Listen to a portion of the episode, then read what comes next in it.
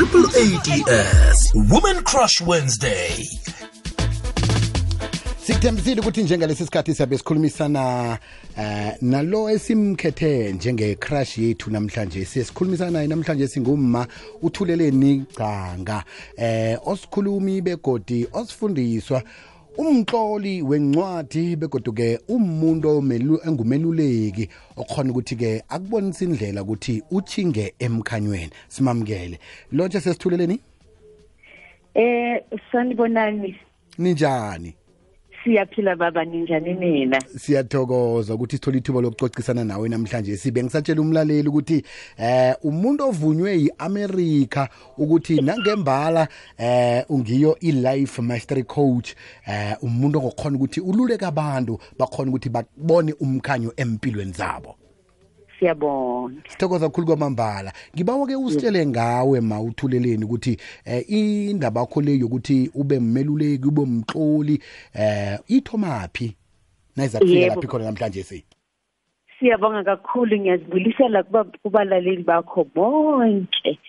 Well u- umama uthuleleni really i think i, i, i, uzelwe ezalelwe ukuthi azokufundisa. Mm. Makaqala ukufundisa uqale eno 5 years. Makaye esikolweni ephelezela ababheka esikolweni because at 5 bekungafanelanga ukuthi useklasini bekaphelezela abanye. Wabheka umfu- utishera makafundisa half a year you know half uh, six months later usene ngaphambili abahloli bezikolo balalele kuyena nguyofundisayo ye madad. Five years old ephelezela abanye isuke lapho kindaba Hmm. Makasuka lapho wafunda waqeda uzalelwe Eastern Cape kwindawana abayibiza ukuthi kusengcobo. Mm ekhuliswa ugogo umntana kagogo lo. Ekhuliswa ugogo wafunda wapasa i-high school wabheke university wafika wafundisa la, wafunda lapho eh, eh, wa i degree wapasa ukuthi ayokufundisa isingesi futhi abe ku-guidance and counseling, eh, counseling teacher makasuka lapho wathi hayi lesikolo lesi kumandi ukufundisa labantu base-high school kodwa incane le ndawo.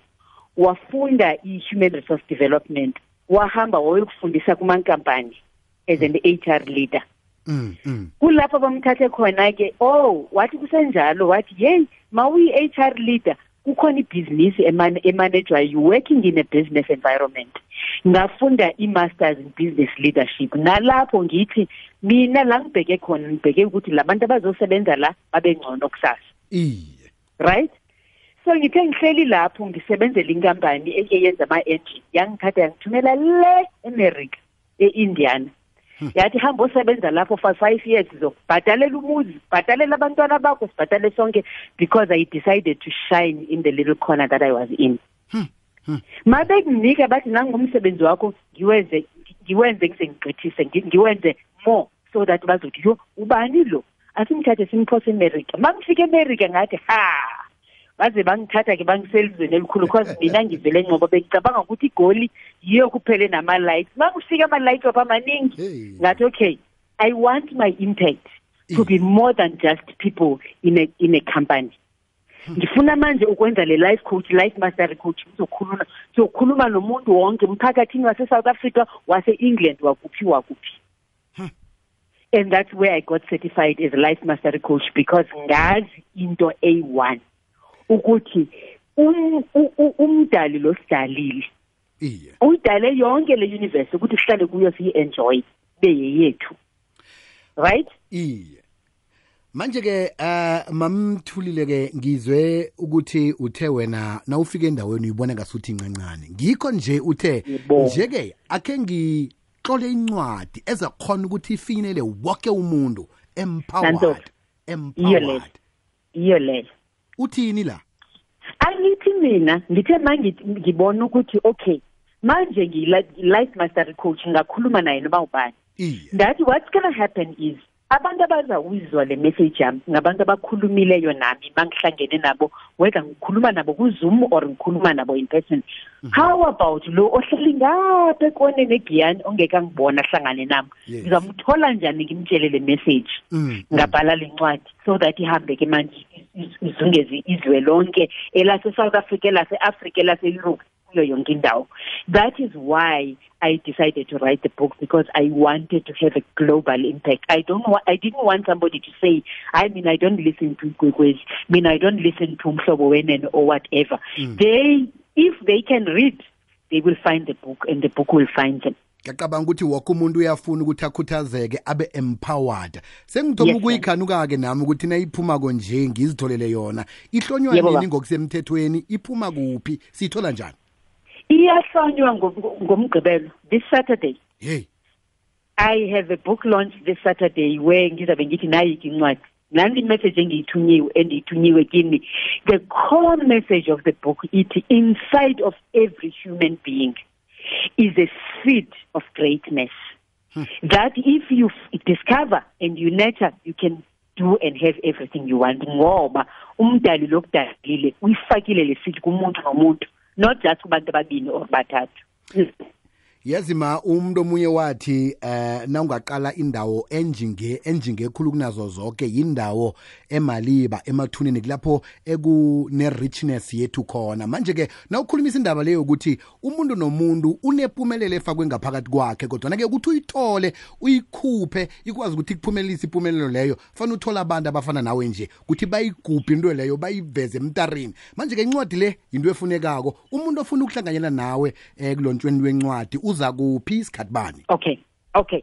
Is is zintathu zi- zi three indlela ne. Mm. One is khona indawo bathi ku take a lot. Yambona u take a lot lo so order kuye izinto zifumaneke ikhona le ncwadi ku take a lot. Ihleli lapha Umuntu oyifuna uyakwazi ukungena online a order ku take a lot I deliver u take a lot. utlola empowered Empowered. Igama layo maliphelele empowered transmuting limiting beliefs into stepping stones to mhm. build the life I love. Hmm. into eshoyo ukuthi zikhona izinto esihlangana nazo masikhula ezingasambe sisiphazamise sikhohle ukuthi we are created to be great. Yes. So le ncwadi yakuxwayisa ukuthi ma unesi silonda esikhe sakuhlela bakuthikameza whether mhlawumbi kuyinto ethile kuphazamisile okanye umuntu uthe hey you are nothing. Le ncwadi yakukhumbuza ukuthi ubani mm, mm. so uyakwazi uyithola ku-take a lot. Kanti-ke ngine-website ethi thule dot ganga la magama wami wonke thule t h u l e dot ganga at life mastery consultant dot com. Into emnandi ngale website is that uyangena lapha kuyo ufike uthi thule mina ngiwusibanibani nansi i-email yami nansi inamba yami ngicela ungifonele sikhulume. Okay. That way nginazo incwadi zikhona zinikudonga la ekhaya zihleli ngakuthumelela kwikhona ukulo lise-south africa noma ukweyiphi indawo. Iye. Okwesithathu uma sikhohliwe iwebsite mhlawumbe uthi ungene nje lapha kufacebook uzabona bethi thule ganga the dream builder coach. Yimi ke lo? Ngicalile nje vele inithombe zakho ngithi okay. Ngilapho kufacebook nami dream builder Yebo. coach iye. Wonderful. Tatabo sikufisela ichudu uragele phambili ngokuthi wenze isewula afrika kube yindawo engcono yokuphila. Mhlambe kunenomboro ongazitshela umlaleli nakafuna mhlambe ukuthi eh, uze uzokuba namaseshini nabasebenzi bakhe nabanye abantu abama-colleagues wakhe? Ngingathanda kakhulu ngingathanda kakhulu. Ama-numbers wami ongithola kuyo ku-zero seven two seven three seven zero two two four. Bawa sibuyelele ma zero seven two seven three seven zero two two four. Masithokoze khulu kwamambala besikhulumisana naye ngumma uthule gcanga women crash wednesday siye endabeni rawubona kumnyama khulu kuzokuvela umkhanyo. Ikwekwezi